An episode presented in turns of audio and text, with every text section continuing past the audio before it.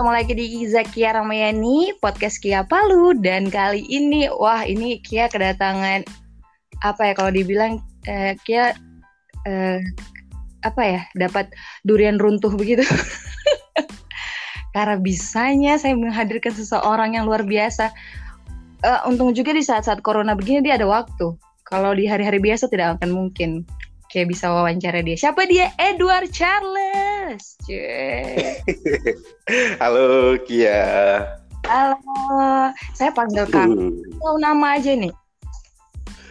Eh, nama juga kayaknya Nama. Charles ya. Yes. Oke, apa kabar nih? Eh, baik, alhamdulillah baik. Belum positif, alhamdulillah.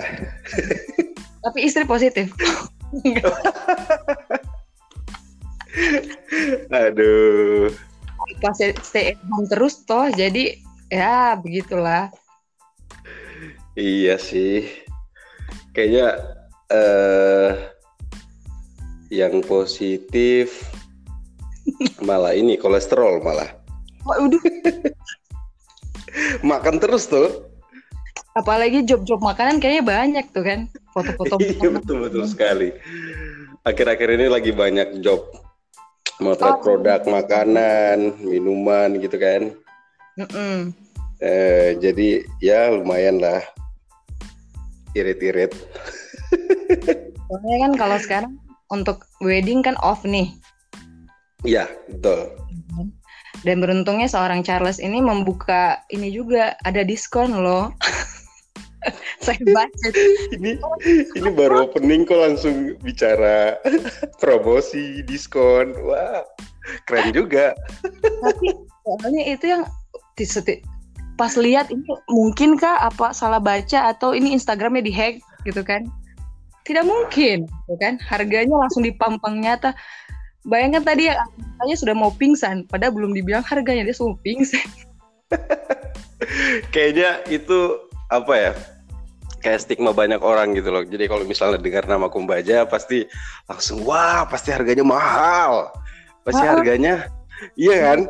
Pasti harganya selangit kita tidak mampu. Kayak gitu-gitu padahal belum belum tahu price listnya seperti apa, yang didapat apa semua gitu kan. Di studio itu kebanyakan seperti itu tipe kliennya. tapi itu sebenarnya untung juga kan Cie, ada keuntungan kan dengan stigma seperti itu. Ya ada eh, plus minusnya lah. plusnya itu kalau sudah tanya berarti sudah ada uang dong kalau sudah berani tanya berarti sudah ada budget dong kan Iya Oke. sih. Kita lebih ke awal jadi pasti banyak orang Hmm. uh, penasaran uh, siap ah, bukan di bang siapa sih maksudnya lebih ke profilnya uh, seorang Edward Charles perjalanan karirnya hingga sampai sekarang.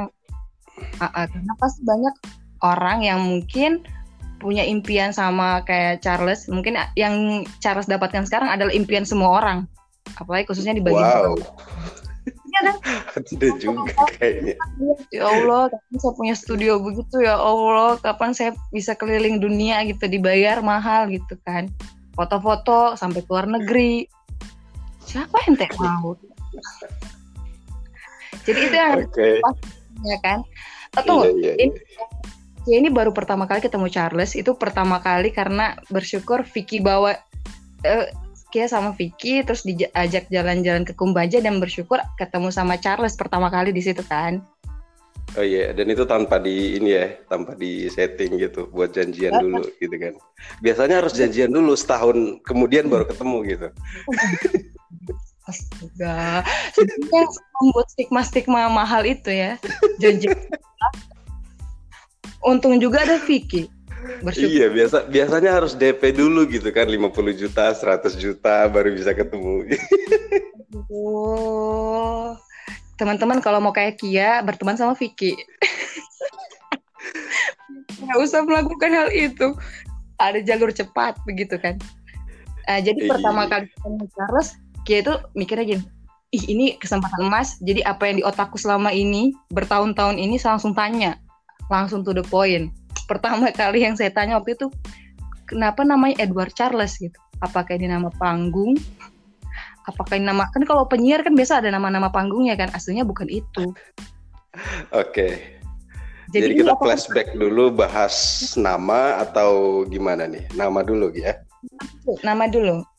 Oh iya, oke. Okay. Jadi uh, di awal saya terjun ke bidang fotografi, ya, mm -mm. memang semua orang bilang kalau itu nama panggung gitu. Pasti kalau ketemu, ah pasti namanya Abdul atau Ahmad siapa gitu kan. karena iya ya karena teman-teman fotografer uh, rata-rata seperti itu kan. Jadi punya nama panggung sendiri nama Instagram atau nama di Facebook yang keren gitu, tapi sebenarnya namanya Mubarok gitu kan. Maksudnya nama Mubarok tidak jelek juga gitu kan, cuma di telinga kita pasti sudah biasa gitu kan.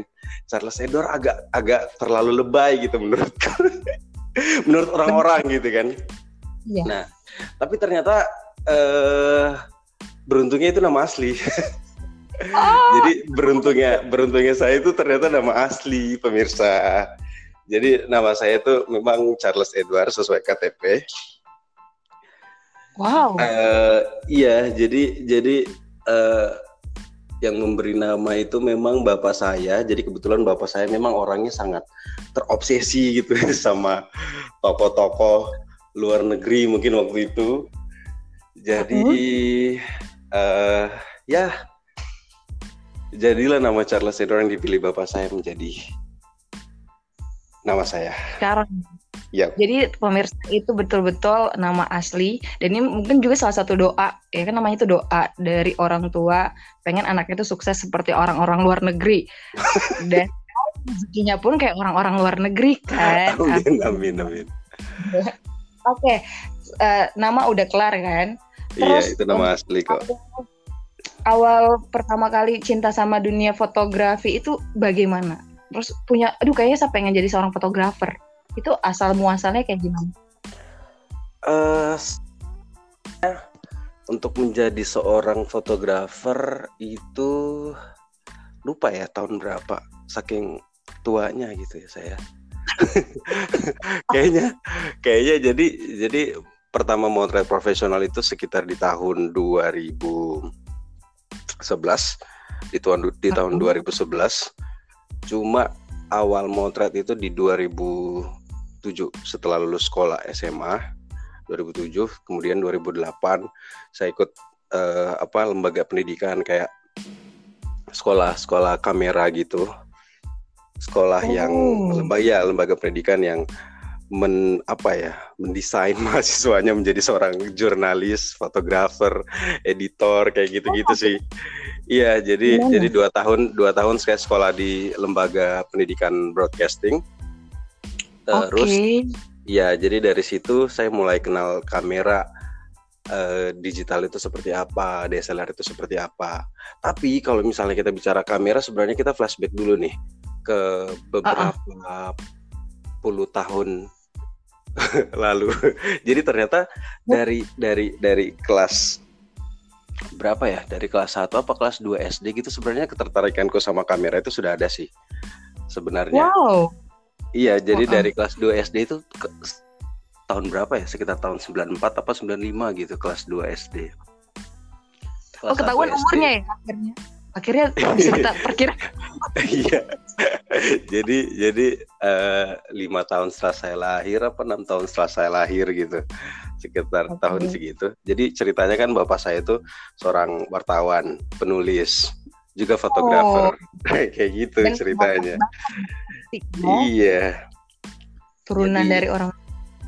Jadi biasalah setiap bapak motret pulang ke rumah gitu kan ada film yang apa yang yang free yang tidak uh -huh. dipakai lagi sama bapak saya buat liputan ya sudah dipakai pakailah di otak atik lah sampai sekarang. Kayak gitu. Habis rollnya. Tustel kan zamannya lu namanya tustel ya iya.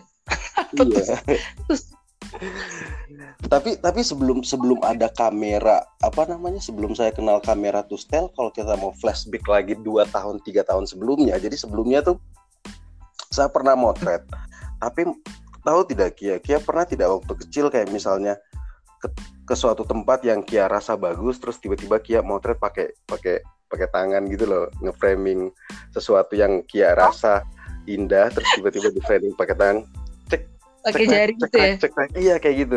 Jadi jadi waktu kecil belum sekolah waktu waktu apa namanya saya belum ini sekolah dari kecil memang sudah seperti itu polanya gitu. Jadi mungkin bapak saya bisa lihat apa ketertarikan saya di bidang fotografi itu memang dari situ.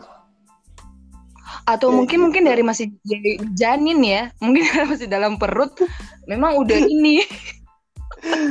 Ya begitulah. Iya karena kan memang dari orang tua kan dari tapi dari ingatnya Charles luar biasa loh ya. Dia masih ingat di zaman dia belum sekolah iya sekitar empat tahun lima tahun gitu oh. itu saya ingat kok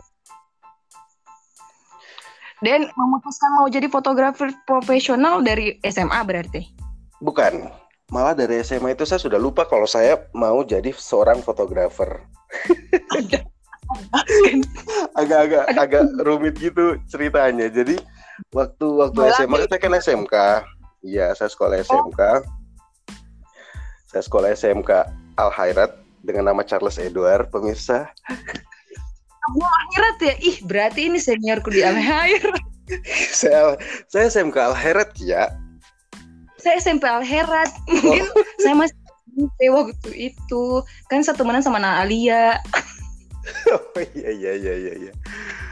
Alia oh, yang seragamnya abu-abu itu kan eh bukan abu-abu coklat agak coklat pink pink gimana gitu yang pokoknya sangat alim kan yang iya, sangat iya, betul, alim banget dan SMK Al Herat okay. sangat bergajulan sekali. Jadi dari SMA itu sebenarnya uh -uh. saya sudah lupa. Dari SMA saya sudah lupa kalau misalnya eh, eh kalau saya punya tes di bidang fotografi. Jadi dari SMP sampai SMA itu ya wajar lah kayak apa ya remaja yang baru menganjak dewasa, beranjak dewasa itu pasti uh. apa namanya nakal-nakalnya ya, masih, gitu ya. Seperti itu. Jadi ya setelah lulus lulus SMA baru baru Bapak uh, lihat kayaknya ketertarikan uh, di bidang fotografi nya Charles itu harus di diasah lagi kayaknya. Uh. Kayak kayak gitu. Jadi memang Bapak itu berperan penting sekali dalam uh,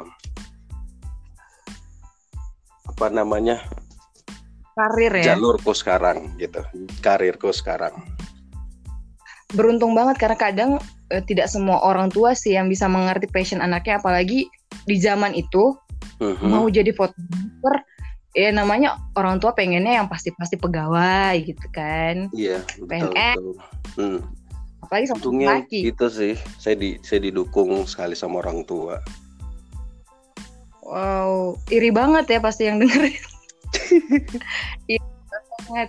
Jadi teman-teman kalau mau jadi fotografer tolong bujuk dulu orang tua karena ridho orang tua itu sangat berperan penting. Iya, malah Terus, awalnya aw awalnya rencananya sebenarnya uh, saya tidak ingin jadi fotografer loh sejarahnya. Iya.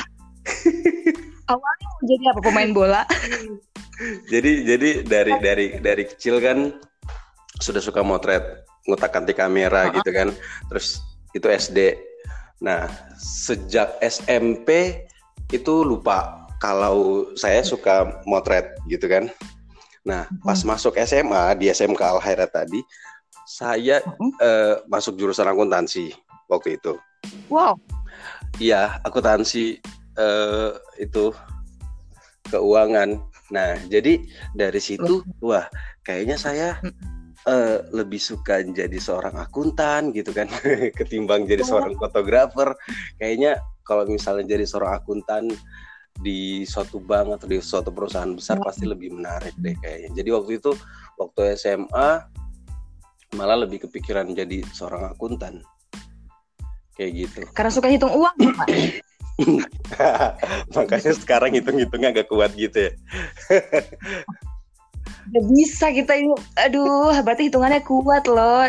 Aku tahan sih loh, aduh. Susah ya? Kayak gitu, iya. Oke. Okay.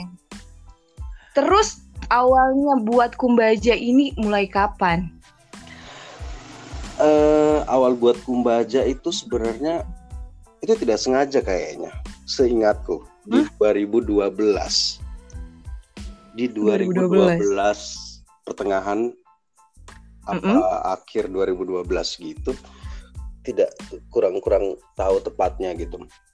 Cuma yang pasti terbentuknya Kumbaja itu sebenarnya ketidak eh, disengaja. Cuma tidak begitu niat menurutku karena eh, apa namanya saya ceritakan sedikit ya storynya ah. supaya kumbaja, bagaimana kumbaja itu dibuat jadi ceritanya saya punya teman namanya Kuku ya kan uh -uh. nah jadi Kuku ini tuh dia punya klien punya klien wedding ya kan uh -uh. nah kemudian uh, dia itu rencananya mau presentasi kayak karya gitu loh wedding Oke. Okay.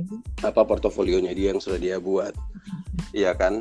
Nah, jadi waktu itu ternyata si klien ini seleranya itu agak tinggi gitu loh. seleranya itu agak tinggi. Oh. Iya kan, soalnya referensinya kayak dari video weddingnya tuh dari Jakarta, dari Surabaya, kayak kayak gitu. Nah, jadi waktu itu si Kukuh ini di, karena dia tidak punya portofolio yang begitu menarik menurut dia untuk dipresentasikan ke kliennya, diajaklah saya buat join. Terus dia dia minta bantu ke saya gitu dia bilang, "Charles, saya punya saya punya klien.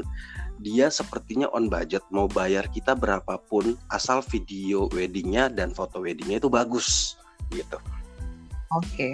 Nah, jadi waktu itu yang saya apa namanya? Yang saya pikir wah kayaknya kalau untuk foto wedding atau video wedding yang bagus saya belum punya gitu kan karena waktu itu saya turun wedding uh, sekedar bantu teman gitu loh tidak tidak niat cari uang karena waktu itu di 2012 2011 memang saya fokus di film setelah lulus uh, apa namanya kuliah film itu kuliah kuliah foto. Karena memang saya fokus oh, hmm, saya saya fokus buat film pendek ikut beberapa festival film pendek pokoknya kompetisi lah. Uh, apa namanya festival-festival film pendek gitu di Jawa. Nah terus um, karena si kliennya ini butuh referensi apa namanya portofolio video wedding. Jadi hmm? uh, saya tidak saya akhir akhirnya saya ikut membantu si kuku ini ya. Saya saya ikut membantu dia saya ketemu kliennya.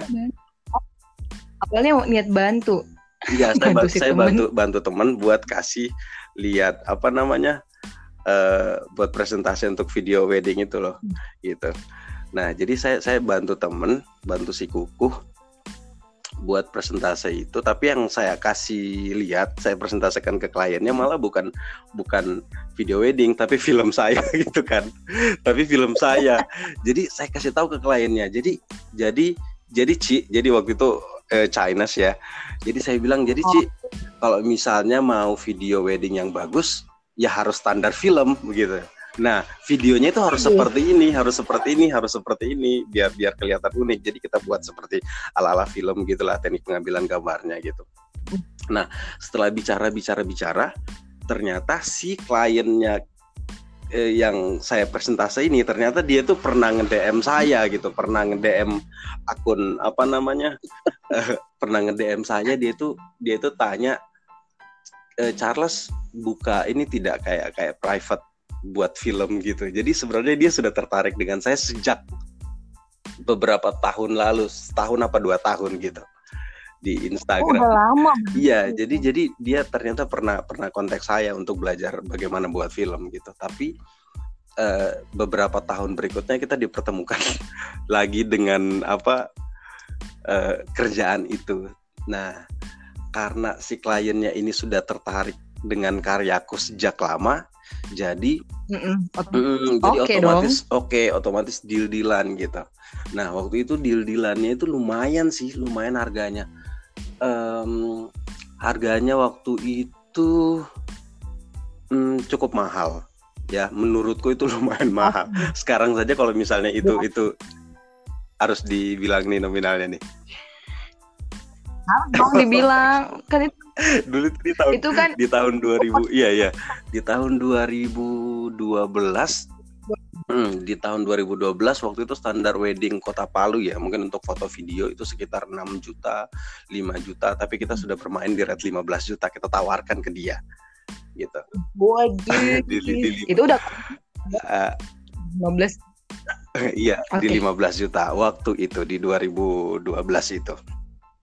Terus saya bilang ke kliennya kalau misalnya mau deal di harga 15 itu kita akan eh, maksimalkan gitu. Kita akan buatkan videonya seperti layaknya film yang saya buat. Kita akhirnya kita dia deal.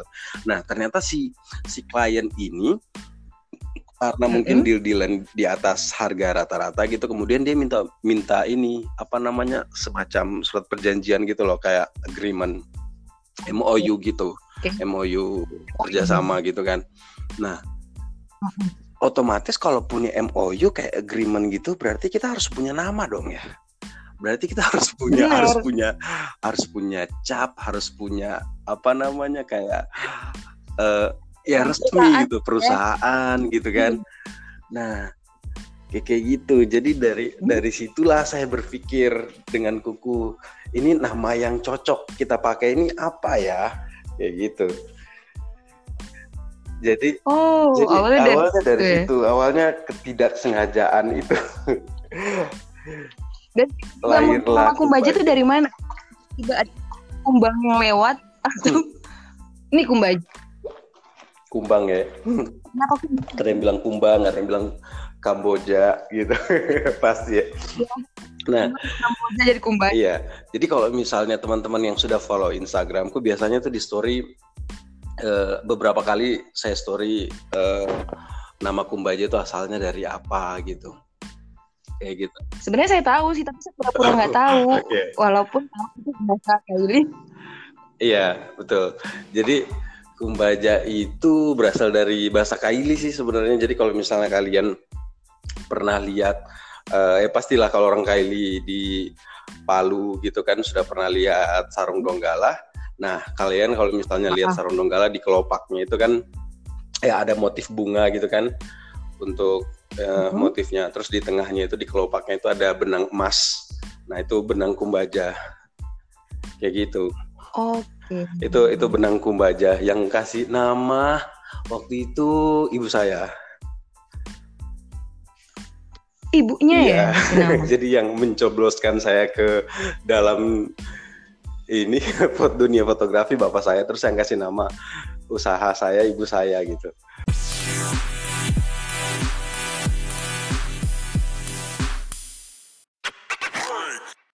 Oke, akhirnya bisa kembali hadir lagi Edward Charles.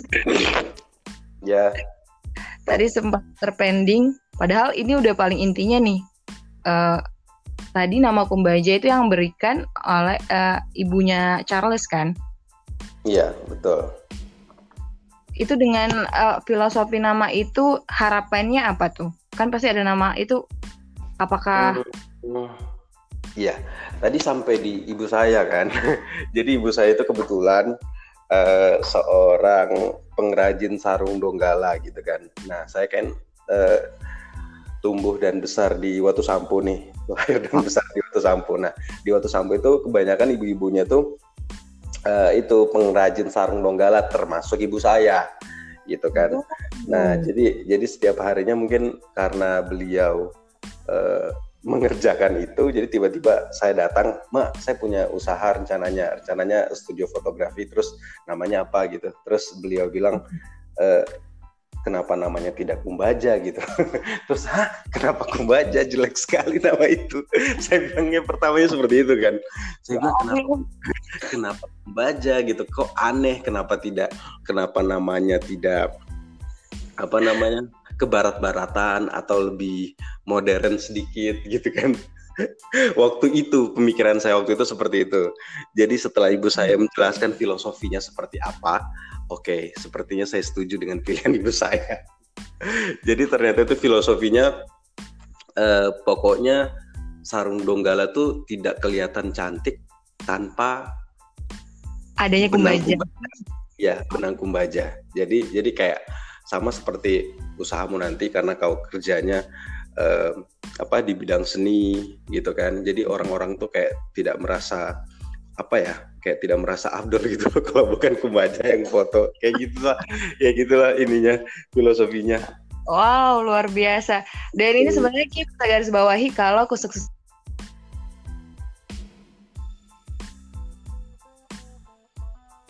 ibu dan bapaknya.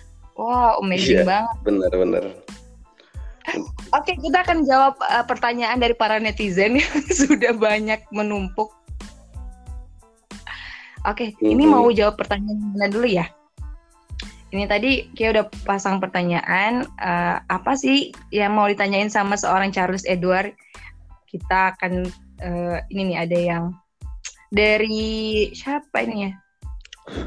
Namanya Bobby Babies, Instagramnya Matt Bobby, katanya kayak gini. Oke. Okay. Salam aku Pak, kalau sama Kak Charles dia minta salam Iya. Terus bilang jangan okay. selalu tanya kapan eh tanyakan ke dia kakak. Kalau ketemu aku jangan kasih aku pertanyaan kapan saya nikah. Itu pertanyaan. Oh. teman saya tuh teman saya kayaknya. Atau jangan ini Vicky? Oh bukannya. Banyak betul akun ininya Vicky. Akun fake berarti. Soalnya kan dia juga malas sekali ditanya pertanyaan itu. Oke. okay. Oke. Okay. Tarif harganya langsung ke tarif ya? tarif harganya? Uh-uh. Aduh, ya kalau bicara tarif kayaknya uh, langsung datang ke studio deh. Langsung datang. atau iya, atau bisa langsung WhatsApp langsung gitu kan. Nah, ini juga sebenarnya saya mau apa namanya?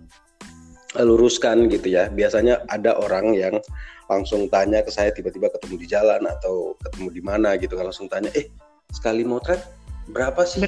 gitu. atau atau di DM eh, jasa fotonya berapa, mau foto berapa. Biasanya itu saya tidak jawab. Biasanya saya hanya hanya apa namanya? Uh, jawab seadanya gitu. Maksudnya tidak detail gitu ya. Oh. karena menurutku kalau orang tanya-tanya seperti itu biasanya basa-basi sih. Jadi kalau misalnya uh, kau memang serius anda memang serius mau tanya memang butuh jasa dari kita ya pasti orangnya nanyanya pasti detail ya. Uh, saya mau motret uh, di hari segini mau kebutuhannya seperti ini, seperti ini, seperti ini, itu kira-kira harganya berapa ya?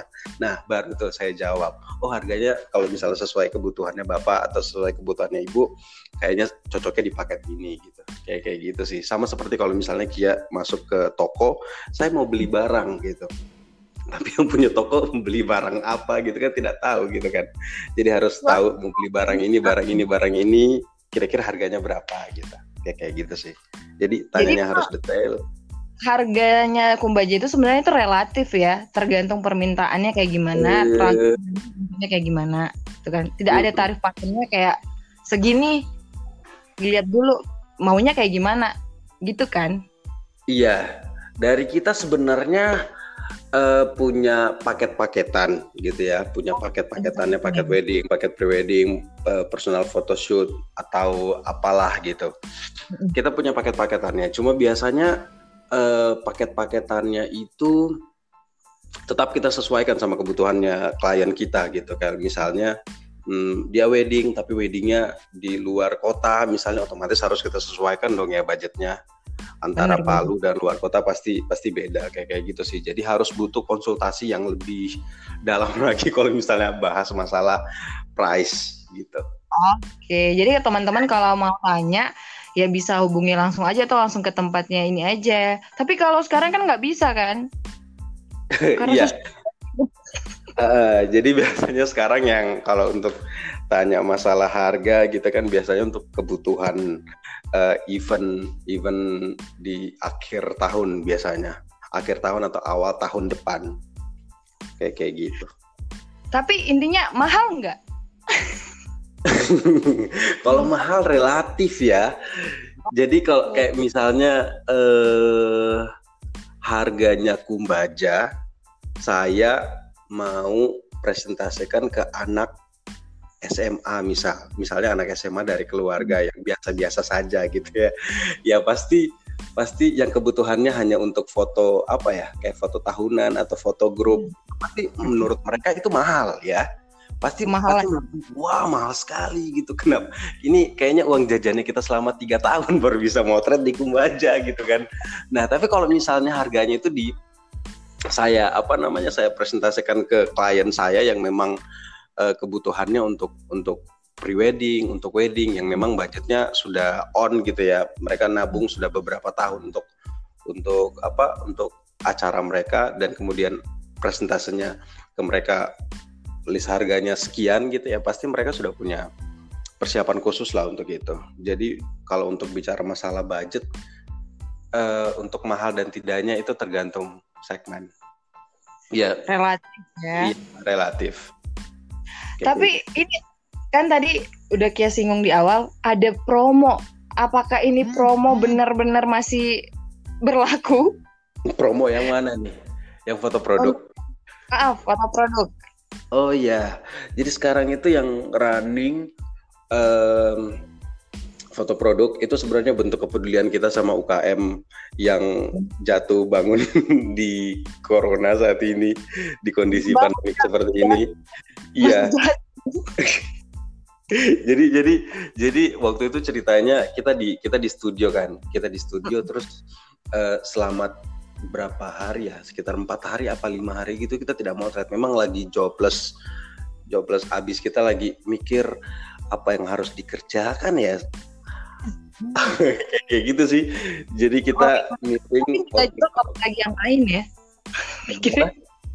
Seorang Edward Charles saya kumbaja nggak ada job nggak ada job teman-teman yang lain pasti lebih parah kayaknya ya. Eh, kalau Kumbaja tidak ada job itu kayaknya sudah biasa deh. Maksudnya, Biasa. maksudnya iya soalnya kita kan kalau di studio itu kerjaannya segmented sekali gitu kan kayak wedding kita hanya kerjakan dalam sebulan itu sekitar dua wedding. Kalau pre-wedding kita batasi hanya empat wedding, empat pre-wedding gitu. Kalau foto family hanya satu atau dua gitu. Jadi memang kita batasi sekali untuk ininya Bener. kita batasi kita kita batasi jadi kalau misalnya dalam sebulan hanya beberapa kerjaan ya memang sudah seperti itu ritme kerjanya gitu kan cuma waktu waktu pandemik itu memang em, waktu waktu pandemi sekarang di awal-awal yang isu-isunya gitu ya kalau covid 19 sudah masuk di Palu itu memang kita sama sekali tidak punya eh, apa ya kayak biasanya kan kalau sehari dua hari ada yang datang ke studio buat nanya price list atau ada yang DM atau yang ada apa. Ini interaksi antara antara admin dan calon klien itu sama sekali tidak ada gitu sekali kita- kosong kita- ya. iya sama sekali kosong interaksi di DM entah itu datang ke studio langsung itu memang sama sekali tidak ada. Nah berarti kalau misalnya interaksi untuk minggu ini tidak ada itu berarti sudah menjadi gambaran bahwa kerjaan kita sebulan ke depan bakalan nol nih. Kayak gitu kan kan sudah bisa dilihat ininya kan eh, polanya gitu. Jadi kita meeting kita kita berembuk apa yang kita kerjakan terus kita dapat solusinya itu gitu. Jadi biar kita membantu eh, teman-teman juga teman-teman UKM bisnis eh, mikro yang lagi bertahan di tengah pandemik ini ya oke gitu. Daripada juga kita eh, apa namanya eh, apa ya tidak berbuat Iya. apa-apa. Walaupun sekarang sebenarnya tidak berbuat apa-apa justru lebih disarankan sih sebenarnya. Karena di rumah gitu kan. Nah tapi Hitam dong. iya benar juga. Tapi tapi kita di studio juga memikirkan ini kok. Walaupun kita tetap melakukan photoshoot ya kita tetap memikirkan apa namanya kayak keamanan kita safety Aturan ya? kita Mm, aturan-aturan kayak misalnya kalau misalnya menggunakan model produknya itu modelnya harus satu orang saja terus kalau misalnya produknya datang terus bisa didampingi beberapa orang saja satu apa dua orang gitu jadi tidak bisa lebih dari itu kayak gitu jadi kita Berarti, kayak eh, hmm, hmm. teman-teman kalau mau lihat promonya lebih detail bisa lihat langsung di Instagramnya Kumbaja ya. Iya, Itu lengkap betul. banget ya. itu lengkap sih kayak gitu Next pertanyaan berikutnya ini lebih ke eh, private dan ini kayaknya mungkin orang penasaran juga sih sebenarnya. apa tuh Kia? Pertanyaannya soal pernikahan. Oke, Soalnya kan nggak oke. Tengah malam kita ngomongin pernikahan. Hmm. mungkin mereka lebih penasaran bagaimana rasanya ak- eh, akhirnya menjadi seorang ayah. Wis.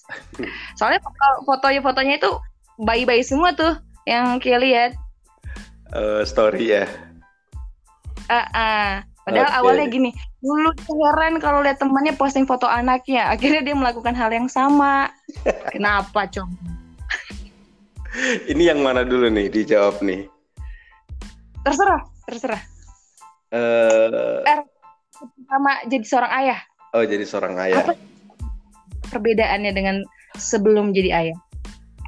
eh banyak lah ya, pasti pasti beda mulai dari jam tidur, mulai dari jam tidur, jam apa ya main di luar. Kalau misalnya tiap hari itu harus nongkrong, harus ke mana ke mana dulu gitu kan, bareng istri atau bareng teman-teman. Tapi sekarang ya lebih pilih di rumah saja lah, gitu. Karena Iya, karena baby juga baru, kandana juga baru tiga bulan lebih kan. Jadi kalau misalnya mau dibawa keluar atau dibawa ke mana masih lumayan rentan gitu imunnya untuk bisa Iya. bertahan di luar. Jadi mendingan lebih pilih di rumah. Gitu. Perbedaannya lebih dengan, seringnya tuh lebih semua berarti. iya lebih sering di rumah, lebih sering di rumah, terus lebih ya seperti bapak-bapak baru kebanyakan lah, lebih kebapaan, lebih bapak-bapak, lebih perut jadi tidak terkendali, yang lebih fisiklinya itu. Oke, terus perbedaannya yang tadi eh, yang eh, kan tadi eh, perbedaannya setelah jadi bapak kan? Iya. Ini setelah Mm, men- terus? setelah menikah. Mm-mm. Eh setelah menikah, hmm, sebenarnya perbedaannya tidak terlalu banyak ya. Perbedaan Oh, jauh ya? Eh, tidak ter- tidak tidak tidak begitu ini, tidak seperti yang saya bayangkan sebelumnya gitu. Karena orang-orang di sekeliling saya seperti Vicky J Bayangkara, Anca Latif dan lain-lain itu pasti Eka mungkin ya? Iya betul sekali pasti eh, kalau Eka sih tidak karena dia sudah menikah lebih dulu gitu kan jadi dia banyak memberikan hal-hal masukan-masukan yang positif si si Eka. Nah yang sebelumnya bilang ah Charles kalau misalnya setelah menikah pasti eh, lebih sering di rumah tidak asik ya kan Eh, topik pembicaraannya itu itu saja membosankan lah apa segala macam pasti akan eh, susah bergerak gitu. Tapi ternyata tidak. Untungnya saya mendapatkan pasangan yang sangat luar biasa. Wow. Pasangan yang iya yang yang apa eh, klop lah menurut saya yang apa yang saya pikirkan dia bisa apa terima apa yang saya lakukan dia bisa support gitu jadi kita saling support jadi tidak begitu banyak perubahan sih antara sebelum menikah dan setelah menikah Kecuali setelah punya anak ya, itu baru berasa kayaknya ya. Perbedaan. iya. Lebih positif pastinya. Tidak tidak mikir yang terdistraksi lagi. Lebih fokus. Saya nggak perasaan kayak gini. Wah gini ya rasa jadi bapak saya dulu ya. Nyesel nggak ngelakuin hal-hal dulu sama orang tua? Hmm. Untungnya saya anak baik-baik ya. Untungnya saya anak yang untungnya saya anak yang anak yang eh, iya jadi saya tidak punya dosa besar atau dosa yang harus disesali. Seperti Kia mungkin Percaya dong, anak alherat tuh nggak mungkin macam-macam dong. Oh Pasti iya ya. baik-baik. Oke. Iyalah, Aku juga anak alherat. namanya aja alherat kebaikan. Jadi pasti anaknya baik-baik. Alherat Alherat itu kebaikan ya. Baru tahu loh saya. Iya, iya. Tiga tahun di Alherat. di Alherat. Oh, oh. Ada yang tanya lagi nih dari Eh. Adi Herianto. Kenapa awet muda Kak Charles? Gitu. Hmm, kenapa awet muda? Kayaknya itu takdir dah. Tak. Kayaknya itu harus eh, apa harus mengasah apa namanya ilmu Photoshopnya lagi gitu. Karena saya menguasai ilmu Photoshop dan menguasai ilmu apa namanya cara mengedit wajah, jadi saya bisa kelihatan lebih awet muda. Kayak gitu kan? Jadi sekarang kan gampang tidak perlu minum obat-obat herbal atau obat apa gitu untuk awet muda. Tinggal edit selesai. Bersyukur podcast ya. Untung bukan live gitu yang langsung langsung gitu kan. Jadi oh, bisa kalau, kelihatan nih aslinya. Kalau, iya, kalau YouTube tadi pasti saya langsung tolak. Iya. Kita wawancara di YouTube atau wawancara di TV mana? Oh tidak, sorry, sorry, sorry. I say sorry pakai alasan saya pakai masker ya. Nutupin pakai masker. Oke okay, nih. Yeah. uh, iya. terakhir nih uh, karena udah lama juga ya kayaknya. Takutnya yang sebelah udah nyari nyari oh gitu. Nyari mana nih suami saya? Kok nggak muncul muncul um, uh, tidak kok ini juga di kamar kok. Oh yang penting babynya tenang ya. Aman. Bisa jam-jam uh, mulai mulai keausan. eh, kasih tahu ini dong ke pendengar dong kalau kita tagnya jam berapa nih. Oh, ini sekarang jam 12 malam. jam 12 malam, Kia di Morowali, Charles di Palu. Aduh, kita rekaman, saya diundang, pemirsa. Mohon maaf ya, sebenarnya saya tadi tuh uh, janjiannya jam 10, tapi berhubung anak saya luar biasa ya, aktifnya Masya Allah akhirnya ulur-ulur waktu sudah sampai sekarang dia baru bisa ya Mohon ter terima kasih dong sebelumnya udah mau saya susahkan di sini. oh sudah mau closing ini? Belum, ada satu pertanyaan lagi. Oh gitu. Iya. Oke, ini uh, yang sekarang kan kita lagi menghadapi pandemi yang luar biasa kan. Mm -hmm. uh, jadi uh, kita pengen uh, tahu saran dari seorang Charles Edward gitu buat teman-teman yang mungkin lagi sekarang lagi down banget, lagi berusaha untuk bangkit atau lagi baru mau mencapai impiannya, apalagi mungkin impiannya sama kayak Charles, pengen jadi seorang fotografer yang profesional, pengen punya studio yang luar biasa bagus gitu, yang mungkin dapat tarifnya luar biasa juga. Gitu. Apa yang harus dilakukan menurut seorang Charles Edward? Uh, apa yang harus dilakukan yang mana nih? Soalnya, soalnya agak banyak tadi pertanyaannya.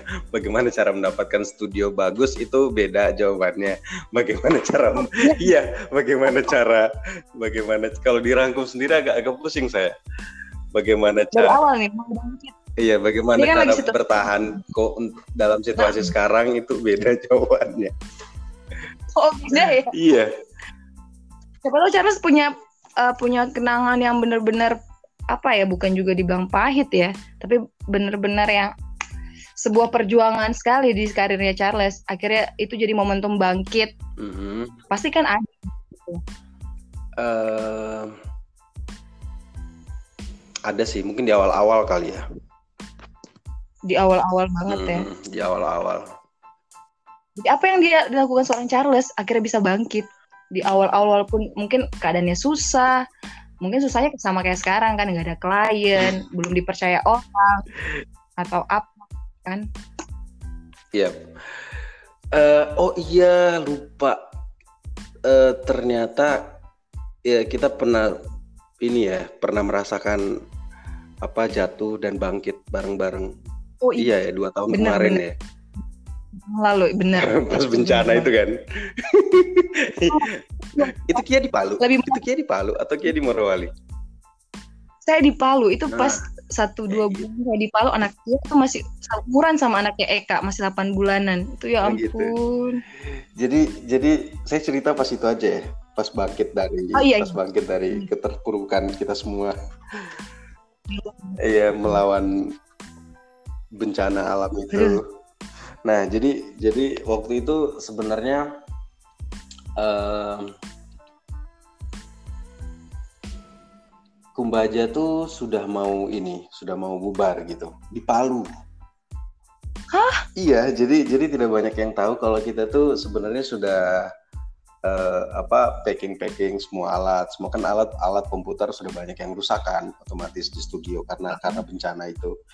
Jadi kita sudah pamit-pamitan satu sama lain. sudah sudah nangis-nangisan, kita sudah berjuang bangun studio. Terus kita harus uh, memutus tali kerjasama kayak gitu lah. Jadi waktu itu rencananya saya mau pindah mau pindah ke Balikpapan, pindah studio, pindah market semuanya sudah harus dipindah gitu kan. Karena saya pikirnya di Palu kayaknya sudah tidak apa uh, tidak akan hmm, tidak, ya? tidak mungkin lagi gitu seperti itu. Jadi saya pikirnya kalau misalnya saya mau bangun Kumbaja di Palu, sementara Kumbaja no. ah, Kumbaja ini sendiri bukan kebutuhan apa ya, bukan kebutuhan uh, primer gitu untuk orang-orang untuk orang-orang ini konsumsi gitu kan. Ya, paling saat itu ya. Iya, pada saat itu paling saya pikir kalau misalnya orang ya kan target kita target orang yang berduit gitu ya, maksudnya punya budget untuk uh, ini untuk pakai jasa kita gitu. Saya pikir ya kalau misalnya di Palu orang masih punya duit, pasti orang pikir uh, kayak membangun rumah kembali gitu lah. Kayak membangun yeah. bisnisnya kembali tidak akan mungkin pakai kumbaja lagi gitu. Makanya saya berpikir untuk ke sana, untuk pindah keluar kota cari cari market lain gitu di kota lain. Nah, terus kenapa sampai bangkit? Jadi waktu itu setelah saya nyari-nyari apa namanya ruko kontrakan di di Balikpapan waktu itu terus ada mm-hmm. saya tanya saya konsultasi ke teman saya gitu yang di balik papan. Terus saya tanya e, bagaimana bagaimana menurutmu bagaimana ya kalau misalnya saya e, pindah ke sini? Terus dia bilang lah bukannya marketmu itu di Palu itu lebih besar ya? Hampir 70% itu marketmu di di Palu loh. Jadi kalau misal mau ke sini ya kasihan juga market yang di sini. Tapi saya bilang tapi market yang di, di Palu itu kayaknya sudah tidak memungkinkan lagi buat dikembangkan, buat diolah, buat didoktrin untuk pakai jasa kita itu kayaknya sudah tidak mungkin lagi gitu. Terus dia bilang coba, coba gitu. Jadi jadi ilmu mencoba dan bangkit lagi itu itu saya saya dapat dari dia energinya ya. Saya dapat dari dia terus saya coba waktu itu saya buka promo gitu. Jadi jadi yang foto wedding paketannya sekian itu dipotong 50%, paket uh, pemotretan family, paket pemotretan personal semuanya saya cut. Semuanya saya cut waktu itu saya diskon karena bencana itu dan ternyata setelah saya lihat apa namanya uh, ketertarikan orang ya kan kita bisa lihat kalau misalnya Instagram bisnis kan kita lihat dari kota mana yang yang tertarik iya, gitu kan untuk reach-nya gitu. Terus ternyata hmm. itu yang yang lihat dan tertarik yang dan yang komen itu ternyata rata-rata orang Palu gitu loh. Yang tertarik, yang DP, orang iya, Palu. yang DP, yang yang sudah melunasi gitu kan. Yang sudah melunasi terus yang tanya-tanya sekedar say hi, sekedar basa-basi tanya paket itu ternyata orang Palu. Nah dari situ saya pikir wah ternyata orang Palu ini belum mati gila, belum pada mati semuanya masih ada orang Palu ternyata yang yang tertarik gitu sama sama industri kreatif di bidang multimedia gitu di Palu. Jadi dari situ kemudian eh, saya pulang karena sudah ada bookingan foto-foto di sini. Nah dari situ saya kembali bangun untuk untuk meyakinkan teman-teman apa setim sama saya lagi untuk balik lagi gitu. Akhirnya kita berarti balik papan dong berarti? Iya jadi waktu itu studio di sini sudah kosong sih tapi walaupun bangunannya sudah maksudnya bangunannya waktu itu tidak hancur tidak tidak retak juga tidak tapi isinya itu sudah pada oh, rusak gitu. gitu. Iya sudah, sudah lighting semua sudah rusak gitu karena gempa itu gitu Nah, tapi kita coba bangkit lagi, kita coba bangun lagi. Gitu. Berarti intinya dengan ketersediaan. Tidak ada selain untuk mencoba berarti ya.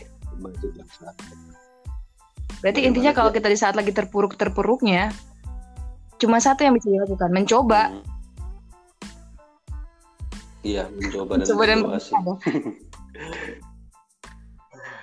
iya. Tapi intinya sih kalau kita punya niat ya, gitu. baik, karena uh, hasil itu tidak akan mengkhianati eh, usaha tidak akan mengkhianati hasil.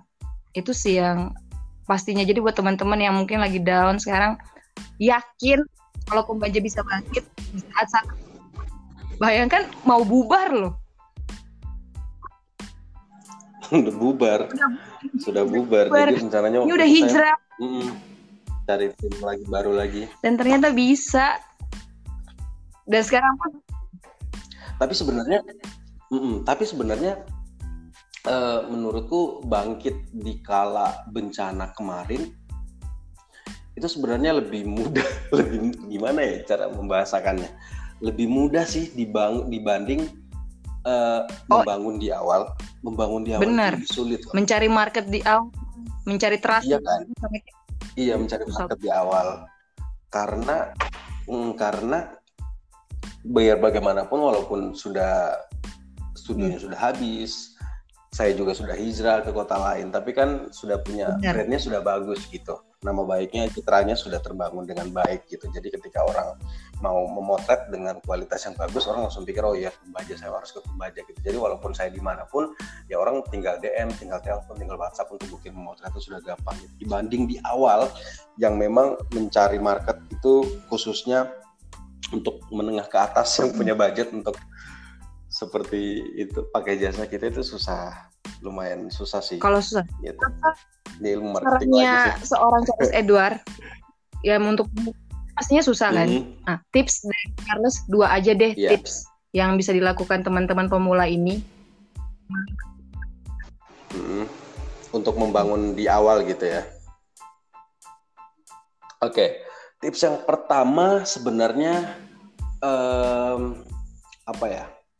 Uh, di sini saya tidak akan menjelaskan bagaimana apa namanya. Uh, tips untuk membangun diri, tips untuk membangun apa uh. namanya kayak kepercayaan diri, impian, motivasi itu itu pasti kalian sudah harus memiliki itu gitu ya untuk membangun sebuah bisnis yang besar. Cuma tips yang paling konkret menurutku yang saya lakukan waktu itu saya harus belajar bisnis. Hmm. Kayak gitu. Jadi saya belajar manajemen, saya belajar bisnis, saya belajar bagaimana menjadi seorang pengusaha yang baik, bagaimana cara membangun sistem karena saya notabene sebagai seorang fotografer gitu, bukan sebagai seorang pengusaha waktu itu. Jadi saya sebagai seorang fotografer yang juga ingin menjadi seorang pengusaha. Jadi saya harus belajar bisnis gitu ya. Saya harus belajar uh, marketing, saya harus belajar uh, banyak hal untuk membangun bisnis. Jadi yang saya pelajari itu bukan hanya fotografi gitu. Jadi saya harus belajar manajemen fotografi juga, bagaimana cara manajemen orang-orang saya, bagaimana cara mempertahankan sistem di dalam satu hmm. perusahaan gitu. Jadi eh, belajar eh, apa namanya pajak juga sedikit-sedikit gitu. Jadi jadi kalau misalnya ya kalau misalnya kalian hanya membangun apa namanya membangun diri kalian, cara kalian memotret, cara kalian mengedit itu sebenarnya tidak salah. Itu modal besar juga untuk membangun apa namanya brand fotografi yang bagus. Cuma yang lebih penting tidak dikala penting dari tidak kalah penting dari itu ialah pengetahuan bisnis kalian gitu. Karena kapan kalian tidak mengerti bisnis kapan kalian tidak mengerti manajemen diri dan manajemen keuangan kalian kalian akan menjadi tukang foto sampai tua gitu. Tukang foto ya. Sebenarnya berarti Iya, ya. maksudnya hanya tukang foto gitu, bukan menjadi seorang pebisnis. Dan uh, price yang kita dapat pun ya sekedar itu aja kan. Namanya kalau tukang foto sama yang yeah. kalau lebih profesional, manajemennya lebih bagus, sistemnya lebih bagus, apalagi marketingnya lebih bagus, otomatis hasilnya juga beda.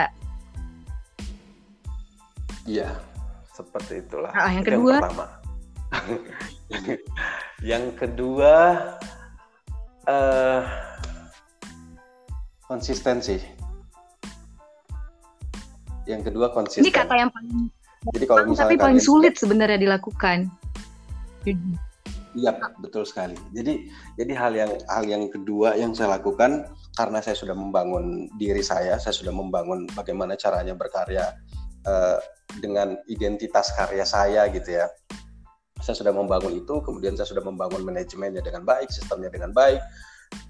Kemudian saya konsisten dengan dengan pola yang saya sudah bangun dari awal gitu. Jadi ketika ada apa namanya kayak angin lewat gitu ya kayak omongan orang ah ngapain bangun studio foto yang mahal-mahal di Palu? Ngapain? Orang Palunya orang Palu cukup di foto saja bayar selesai gitu. Orang Palu seleranya belum sampai ke sana gitu. Kan ada biasanya dulu kemarin-kemarin saya membangun bisnis ini di awal kayak apa namanya banyak sekali loh tekanan-tekanan dari luar yang saya dengar. Karena ini baru banget itu orang mimpinya tinggi banget ya. Iya maksudnya orang-orang sampai pikir uh, itu kelasnya di Jakarta kali itu kelasnya di Surabaya kali. Ngapain dibangun di sini? Orang Palu tidak bisa menggapai itu gitu. Kayak terlalu jauh gitu loh. Seleramu kau kau apa kau taruh di Palu kemudian dengan harga yang mirip-mirip dengan Jawa ya? Kota besar gitu. Terus kau terapkan di Palu itu agak susah gitu. Nah kuncinya yang kedua tadi saya konsisten gitu dengan apa yang saya percaya dengan apa yang saya pelajari dengan apa yang saya uh, pegang gitu konsisten sampai sekarang. Wow luar biasa ya.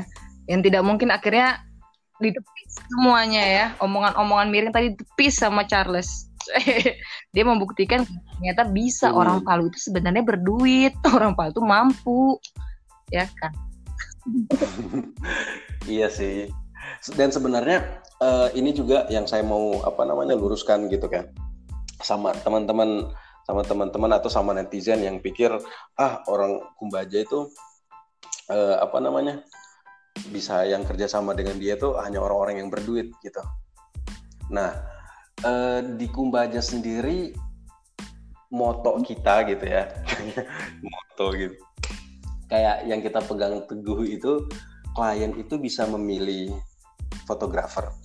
Tapi fotografer juga berhak memilih siapa kliennya gitu. Jadi kita tuh pilih-pilih klien sih sebenarnya kalau di Pembajak. Ini terus terang ya. Kita sebenarnya pilih-pilih klien gitu. Jadi kalau misalnya terserah uh, kau mau berduit gitu tapi kau tidak punya etika dalam bekerja sama gitu ya. Misalnya kayak merepotkan kita oh, terlalu gitu? banyak ini terlalu banyak ketika iya ketika kita bilang prosesnya seperti ini loh untuk dapat foto seperti ini sudah bilang ih kenapa panas-panasan? Kenapa ini? Kenapa itu uh, kenapa itu? kita cut. Tidak bisa kerjasama dengan Anda walaupun Anda sudah ambil paket yang sekian puluh juta gitu terus kemudian kita cut. Kayak Berarti gitu sih. Jadi tidak cuma kita, sekedar uang ya, bukan cuma sekedar nilainya tapi yang pentingnya uh, apa ya satu frekuensi sama Kubaja istilahnya kayak gitu. Mau kerja. Iya, betul. Iya. Mau kerja Itu sama luar biasa dan banget. mau melalui proses kreatifnya sih benar benar wow kayak gitu tapi untungnya di, di setahun dua tahun terakhir itu orang-orang yang uh, datang ke kita itu malah orang-orang yang sudah kayak terseleksi alam gitu loh Kia. Jadi orang-orang yang datang ke kita orang-orang yang sudah tahu oh warnanya kumbaja seperti ini. Kalau kita mau motret di kumbaja prosesnya seperti ini.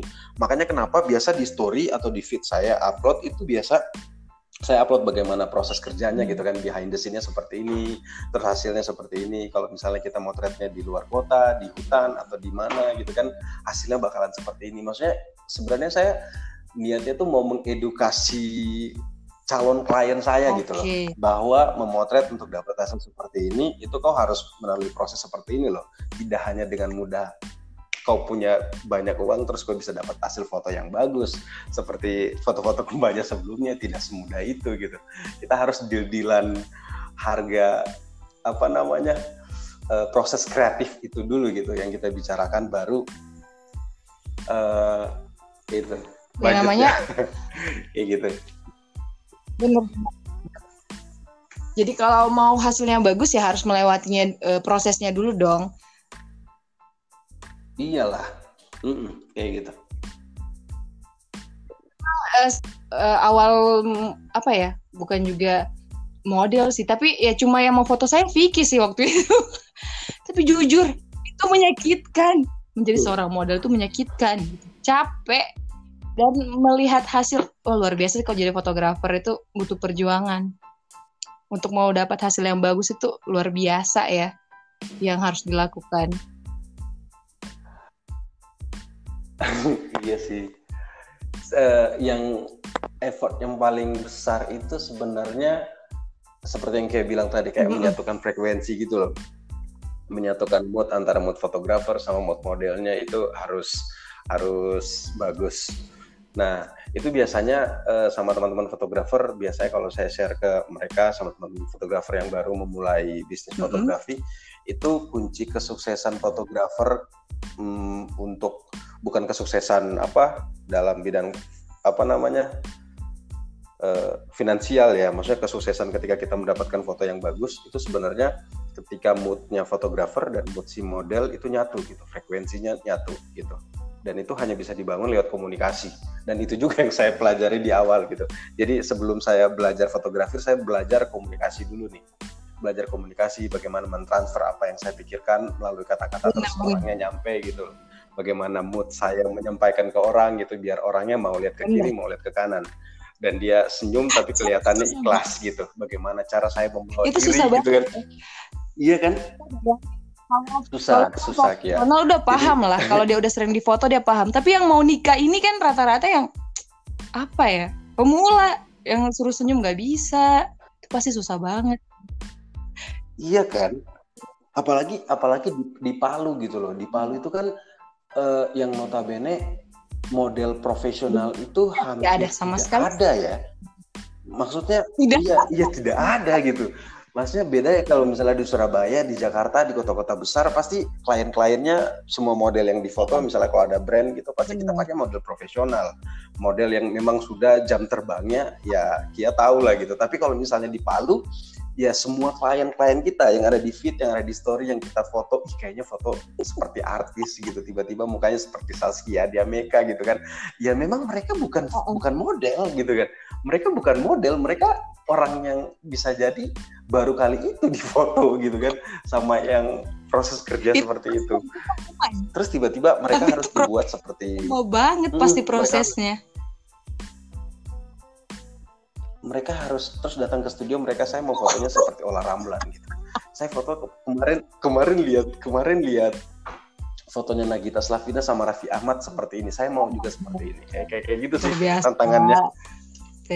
Jadi harus Iya, Berarti sistem awalnya sementara... seorang Charles Edward diedukasi dulu dong modelnya, kliennya. Kalau mau Iya, benar. Jadi kita tapi sebelum kita edukasi kita seleksi dulu. Maksudnya kita ajak ngobrol, ini orang nyambung nggak, nyambung nggak nih. Kita ajak ini, kalau misalnya bicaranya ke mana-mana, bicaranya ke mana-mana, kayaknya kita cut di awal. Capek, daripada capek lama-lama, akhirnya hasilnya juga tidak benar. Iya kan? Iya, mendingan kita fokus sama orang yang memang mau kerja sama sama kita gitu, bukan karena kepaksa. Itu salah itu juga iya kan? salah satu apa ya? Eka pernah curhat kayak gitu kan. Dulu kalau di Jawa kalau ada model, mm-hmm. dia kiri kanan dia tahu pose. Kalau di sini kok nggak ada? Ya eh Eka di Palu nggak yang begitu bagaimana? Sama juga dengan Vicky, dia tidak iya. mau foto. Jadi itu kalau foto orang dia HI aja tuh. Tapi mm-hmm. kenapa Kia dia fotonya yang kayak begini kalau sama orang tidak bisa? Vicky bilang kalau sama itu dia mau foto, tapi kalau sama orang lain tidak mau. Kayak gitu. Makanya kenapa saya bilang tadi penting buat kita menseleksi orang-orang yang mau kerjasama sama kita gitu, bukan karena eh, apa ya, bukan karena terpaksa gitu, karena entah karena ibunya yang mau foto sama kita, terus anaknya nurut kayak, kayak gitu sih. Jadi memang ya. dari personalnya dia memang mau kerja sama sama saya. Berarti inti kayak gitu dan memang seperti berani yang... nolak begitu ya berani berani nolak gitu ya berani bilang tidak kalau sesuai. Kan biasa ya, berani bilang tidak. Tapi kalau tapi kita mm, tapi kita lumayan jarang sih bilang tidak. Biasanya kita edukasi dulu gitu. Orang yang biasanya kita bilang tidak itu biasanya sudah kita edukasi kita sudah kasih pengertian okay. kita sudah kasih diskon malah terus ternyata dia tambah ngelunjak itu baru deh kita kita cut. Yang okay. memang orang-orang sudah tidak tertolongkan lagi. Kayak kayak gitu. Jadi inti-inti dari inti dari uh, apa namanya uh, apa yang saya cerita di awal tadi tentang keluh kesah bagaimana membangun bisnis ini di Palu sebenarnya buat teman-teman fotografi atau buat teman-teman yang uh, bukan fotografi atau calon klien sebenarnya. Nah sebenarnya kita di Palu ini nilai mm -hmm. plusnya dari keterbatasan kita itu nilai plusnya itu kita kerjanya lebih effort tahu kita kerjanya lebih keras daripada teman-teman di ibu kota teman-teman di kota besar. Karena terus terang kemarin saya sempat komunikasi juga sama teman fotografer di Jakarta gitu. Terus saya komunikasi ke dia ini caranya motretnya seperti apa? Gitu. Oh ini Charles motretnya mudah karena saya tinggal motret. Yang ngatur uh, lightingnya ada sendiri. Yang ngatur wardrobe-nya ada sendiri, yang ngatur makeupnya ada sendiri, stylistnya ada sendiri, semuanya ada sendiri. Dan semuanya properti gampang didapat, kamera gampang didapat, disewa di mana-mana gitu. Jadi mereka lebih dimanjakan gitu sama atmosfer bis apa namanya? Uh, iya, di sana gitu. Sementara kita di sini serba keterbatasan stylist. Ya kayak gitu gitulah. Iya kan tukang, tukang make up juga datang ke sini sudah kayak ondel-ondel gitu kan.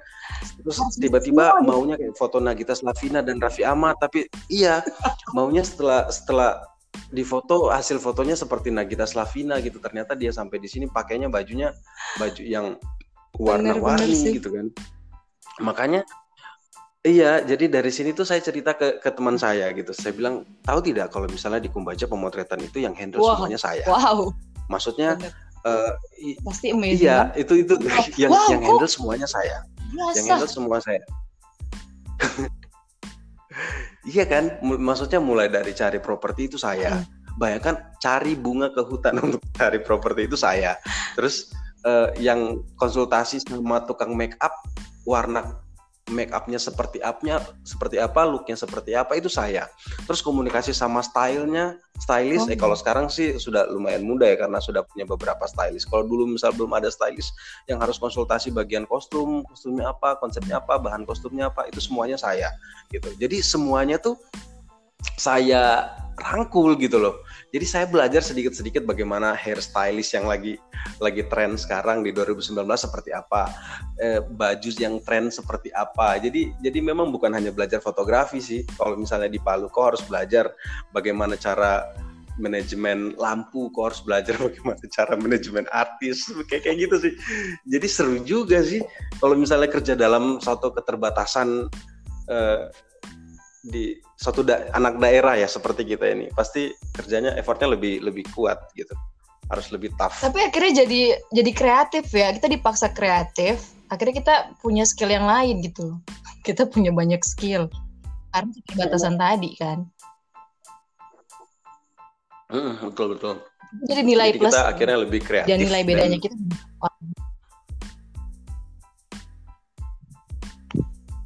iya sih benar apalagi sekarang kan kalau misalnya mau belajar stylist kalau mau misalnya mau belajar apa uh, warna make up gitu mau belajar hairdo kan gampang. Tinggal buka YouTube tinggal buka tinggal di buka Pinterest kan semuanya dapat tinggal selera sih.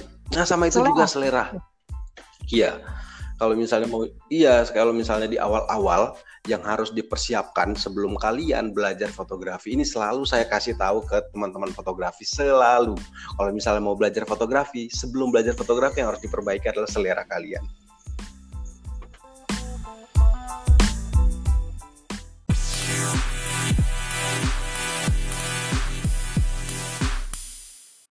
Maksudnya itu kan bukan bukan hanya berguna juga gitu, bukan hanya berguna buat para fotografer tapi di industri kreatif, industri apa namanya yang sekarang Kia jalani gitu kayak dagang gitu kan. Itu itu penting sekali sih untuk selera gitu kan menentukan yang akan kita jual seperti apa, kualitasnya seperti apa gitu. Itu pasti selera akan akan membangun hasil akhir dari bisnis kita menurutku sih.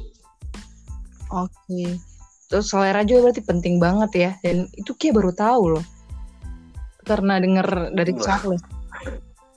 Itu kayaknya kunci dari segala-galanya deh. Oh, hebat ya. Berarti selera ingat ya selera itu penting. Selera itu penting bener. Thank you banget uh, Edward Charles. Udah lama banget ini hampir satu jam loh kita ngobrol. Oh hampir sejam ya. Biasanya podcast Kia berapa sih durasinya? Uh, jam?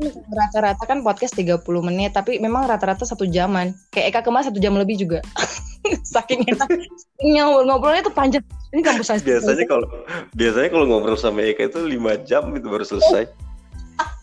memang itu kan muncul-muncul tiba-tiba kalau Eka.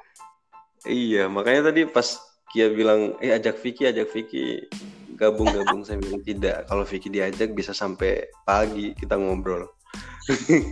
Sama ya. Saya berteman sama Vicky sama Eka. Waduh bisa harus menengah dua orang ini. Yang luar biasa nih. Luar biasa. Charles tuh nggak cukup sejam. Banyak banget sih yang saya mau tanya. Cuman waktu kayaknya udah ya. Nanti karena tadi Charles bilang dia udah mau pingsan. Kalau jam-jam segitu mau pingsan dia. Tidak sih, santai sih. Okay. Uh, oh ya, apakah ada pertanyaan lain? Ya cek dulu ya. Walaupun udah tengah malam kayaknya. Emang masih ada yang tanya. Oke, okay. uh, eh, mungkin terakhir nih dari Charles. Pesannya nih yeah. buat kita ya buat ya terserah sih buat masyarakat, buat pengusaha, buat seorang fotografer dari seorang Charles Edward. Hmm, oke. Okay mungkin lebih ke ini ya lebih ke apa namanya kayak kiat-kiat gitu ya untuk bertahan melawan COVID-19. nah, mungkin uh, menurut saya sih bagaimana cara bertahan bagi kalian para pebisnis uh, di keadaan seperti ini, mm -mm. di pandemik seperti ini pasti kita tidak tidak bisa uh, melawan ya. Kita tidak bisa melawan arus pandemik ini gitu. Kalau misalnya sudah seperti ini ya mau gimana lagi gitu kan.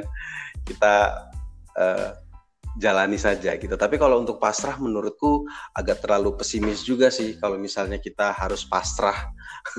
Jadi menurutku harus bertahan. Karena uh, yakin saja di awal-awal juga saya mengalami ini kayak shock gitu loh. Ih tiba-tiba uh, omset menurun bulan ini gitu. Gimana cicilan gimana apa hidup gitu kan. Gimana kontrakan gimana cicilan ini cicilan itu gitu kan. Pasti semuanya kita shock gitu. Menerima ini semua. Tapi uh, di satu sisi saya pikir bukan cuma Charles Edward sendiri gitu yang merasakan dampak ini. Seluruh dunia merasakan ini gitu. Jadi saya pikir kalau misalnya ini saya renungkan sendiri, ratapi sendiri, tangisi sendiri, agak sedikit ini sih, agak sedikit uh, gegabah Banyak. gitu. Jadi mendingan saya apa namanya? Kenapa tidak gitu? Saya berpikir bahwa uh, ini kita jalani bersama-sama ya mm -hmm. semua usaha di lini usaha kehidupan semuanya juga pada down jadi kita tidak sendiri, kalian tidak sendiri. Ada saya, ada Kia yang yang semuanya kayaknya yang semuanya kayaknya uh, eh, RDP ya. Tahu tidak RDP? Apa tuh? Uh, rekening dalam pengawasan. Jadi tiap hari uh, melototin apa isi saldo rekening saya kok tidak bertambah-tambah gitu ya. Oh, berkurang ya tiap hari ya, berkurang gitu tiap hari gitu kan. Bertahan saja bertahan sedikit lagi. Kalian pasti bisa teman-teman semua pasti bisa. Uh, di kita juga seperti itu. Kita tetap mencari celah. Pasti ada celah pasti ada celah. Sekecil kecilnya entah itu sekecil lubang semut itu pasti ada celah untuk bertahan gitu. Jadi sekarang posisinya kita semua menurut saya ya karena kita semuanya tidak bisa dalam kondisi apa namanya uh, posisi menyerang gitu, setidaknya kita bisa dalam posisi bertahan gitu. at least kita bisa makan gitu ya. Kita bisa ya. iya, at least kita bisa makan, kita dalam posisi bertahan saja dulu walaupun kita tidak bisa menyerang kecuali pebisnis masker dan hand sanitizer mungkin bisa dalam posisi menyerang sekarang ya silakan gitu ya tapi mudah-mudahan kita doakan semua uh, pandemi ini bisa berakhir dan kita bisa berkarya lagi gitu Amin. Dan yang ya, yang paling penting sih kita bisa merasakan Ramadan seperti Ramadan tahun-tahun sebelumnya ya. Kalau ini udah menghitung hari. Aduh, sedih banget sih. Sampai kayaknya kayaknya kecil ya gitu ya. Kecil kemungkinannya untuk untuk merasakan apa namanya? atmosfer gitu ya atmosfer uh, Ramadan di tahun-tahun sebelumnya. Kayaknya sudah tidak mungkin ya menurutku. Mungkin sih kalau misalnya Allah berkehendak tapi yes. Iya kalau misalnya kita kita kita apa tapi kayak kalau misalnya kita menghitung secara statistik kayaknya kemungkinannya itu kecil sekali gitu untuk bisa kembali normal di bulan Ramadan ini tapi menurutku uh, kita kembali lagi gitu Ramadan kan bukan hanya sholat tarawih di masjid bukan hanya saling memaafkan apa namanya saling memaafkan ketika kita ketemu langsung gitu kan tapi Ramadan kan hmm. ada di hati kita gitu kita di rumah juga sholat gitu terus sosialnya juga tetap sosial media ada gitu kan jadi menurutku lumayan rame lah sosial media untuk saling memaafkan di tahun ini oh iya satu ada satu Bisa. pertanyaan yang terakhir yang saya penasaran Oh iya. selama pandemi ini, selama hmm. beberapa hari mungkin nggak ada job, ada yep. hikmah. Apakah yang Charles dapatkan mungkin ada sesuatu yang ih baru saya rasain nih di rumah atau apa kan biasanya kayak kemarin ada yang mm -hmm. akhirnya sama anaknya karena dulu sibuk banget kerja pagi sore sampai malam. Kalau ke rumah dia anaknya udah tidur nggak ada waktu untuk ngobrol tapi dia punya waktu ngobrol 24 jam sama anaknya dan dia bisa main 24 jam. Kalau dari Charles sendiri hikmah yang yang disyukuri oke oke. Iya Uh, kalau hikmah waktu bersama keluarga, saya kan sebelumnya sudah lumayan banyak lah ya waktunya sama keluarga, sama anak, sama istri, lumayan oke okay lah gitu. Kalau yang paling saya rasakan sebelum dan sesudah COVID, mungkin saya lebih menghargai uang receh. Oh, iya serius. Bayangkan uh, apa namanya? Untuk membeli barang yang tidak usah lah yang mahal gitu, yang harganya jutaan kayak iPhone atau apa gitu. Untuk membeli har harga yang barang-barang yang kecil saja kita jadi mikir gitu loh. Kita jadi wah sayang nih 20 ribu, sayang nih 50 ribu. Wah ada 10 ribu disimpan lumayan buat aqua gitu. Air mineral gitu kan. Jadi kayak kayak gitu sih. Bayangkan kayak gitu takutnya kalau misalnya boros tabungannya cepat habis gitu. Jadi lebih lebih menghargai uang kecil gitu dibanding sebelumnya sebelum covid sebelum pandemik ini tuh saya uh, luar biasa boros gitu. Kan kalau misalnya ngabisin duit di bulan ini ah tenang bulan depan sudah ada bookingan gitu kan. Tenang bulan depan cicilan aman gitu. Jadi bulan ini tuh lebih dua bulan ini tuh lebih itu sih lebih menghargai uang kecil. Dan bersyukur ya iya lebih ber, lebih Walau... bersyukur ketika dapat sedikit ketika dapat ini pasti langsung bersyukur gitu. Jadi dapatnya walaupun eh, mungkin sekarang misalnya dapatnya lima ratus ribu itu beda banget dengan lima ratus ribu bulan lalu ya? Iya itu sih. rasanya bener bener bener. lebih bersyukur itu lebih banyak lagi. Kalau Eka kemarin ngomongnya pas di podcast dia lebih bersyukur dan lebih paham dia nggak akan buang-buang makanan lagi karena dulu dia sering buang-buang makanan. Jadi yeah. kalau ada makanan dia lebih ini lagi aduh ini jangan sampai dibuang. Bisa kasih orang atau kasih binatang gitu ya. Karena ya kemungkinan sih kalau menurut Eka kita akan krisis. Ya ya nggak bisa dipungkiri sih krisis bahan makanan gitu. makanan itu pasti karena udah berasa kan kenaikan harganya. Iya. Apalagi mau lebaran itu pasti berasa sekali sih tapi mudah-mudahan tidak sih. Yang penting kita berdoa aja. Siapa tahu kita ada yang diijabah doanya ya. Kan kalau Allah bisa berkata kun fayakun, tiba-tiba besok berubah. Tiba-tiba tim Avengers datang gitu ya. Tapi saya sih hapus semua virus corona. Tapi bisa uh, mudah mengubah nasib orang karena uh, Kia waktu ingat uh, saat dua tahun lalu hmm. uh, bencana betapa mudahnya Allah mengubah nasib orang dalam hitungan detik dan menit. Orang yang kaya banget bisa jadi miskin dalam hitungan detik. Itu kan itu kayak luar biasa sekali. Iya. Yeah. likuifaksi yang mungkin secara logika tidak masuk akal ya, apalagi likuifaksi itu paling tidak masuk akal. Mm-hmm. Walaupun saya seorang teknik, teknik sipil kita belajar tentang uh, sesar, kita belajar tentang itu pergerakan yeah. tanah, tapi tidak ada uh, dalam perkiraan kita Walaupun memang kalau saya di yeah. ilmunya kita itu sudah pernah memprediksi akan ada tsunami di Palu karena memang dulu sudah pernah terjadi beberapa puluh tahun lalu, tapi mm -hmm. likuifaksi ini belum pernah belum pernah dalam catatan sejarah sama sekali uh, di dalam teknik itu akan terjadi. Tapi ternyata uh, makin ke dalam makin ke dalam kalau sejarah Kaili itu sudah ada ya ternyata.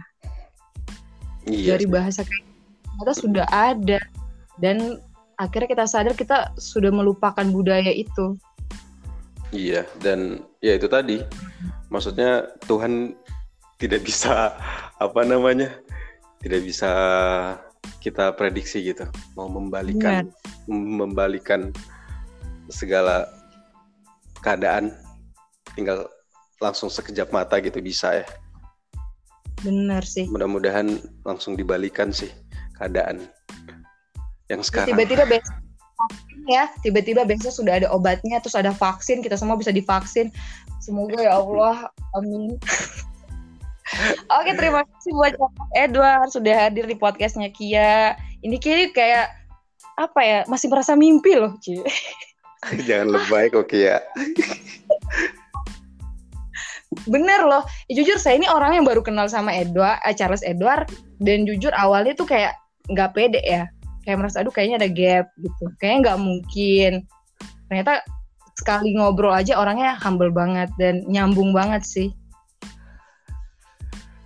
Saya kayaknya ini deh. Apa? Harus harus jalan-jalan ke Morowali setelah pandemik ini. Kenapa? Ya, tidak, maksudnya biar ketemu sama ngobrol banyak gitu kan. Oke. Okay. Nanti saya bawa. Kia, Kia di di Morowali mana sih? Di Morowali Utara apa Morowali? Morowali Utara. Oh, Morowali Di tempat Utara. paling merah. Di zona paling merah di Sulawesi Tengah. iya. Kemarin sudah dengar di podcast sebelumnya sih. Oh, podcast gitu. Kia sebelumnya yang zona paling merah itu kan yang di Sulawesi Tengah itu. Uh, uh, jadi kita benar-benar lagi ini. Tapi ini paling kalau Charles ke sini, ini hmm. ada kalau namanya sini belum ya? Belum, belum. Ke Merwali belum pernah. Di sini kan dia kayak teluk gitu, kayak donggala sih istilahnya. Tapi dia ada teluknya juga. Tapi tengah teluk itu ada pulau. Okay. Ada pulau kecil. Mungkin... Itu yang terkenal banget tempat wisata di sini. Itu akan okay. jadi bagus kan kalau Vicky ke sini dia pengen banget ke situ. Tapi dulu dia saya hamil, itu hamil besar masa saya mau bawa ke Tinting ke sana dia temen dia ke pulau. Mungkin itu bisa kita bicarakan di podcast berikutnya kali ya. Mungkin lebih menarik sesi lebih dalam tentang itu ya Merawali ya. Kita ngomong nanti pandemi ini udah berakhir ya. Jadi kita bisa iya, ngobrol tentang ke mana gitu ya kalau pandemi ini masih ada kita nggak bisa coba menghayal pak oke oke sekali kasih Edgar sama buat iya sama-sama iya uh, dijauhkan dari segala marbahaya terutama virus corona ini dan semoga semakin sukses amin amin amin amin amin Oke, okay. thank you buat semua yang udah dengerin podcast Kia. Jangan lupa untuk dengerin terus podcast Zakia Ramayani alias Kia Palu. Dan nantikan episode selanjutnya. Bye-bye. Assalamualaikum warahmatullahi wabarakatuh. Thank you, Kak. Thank you.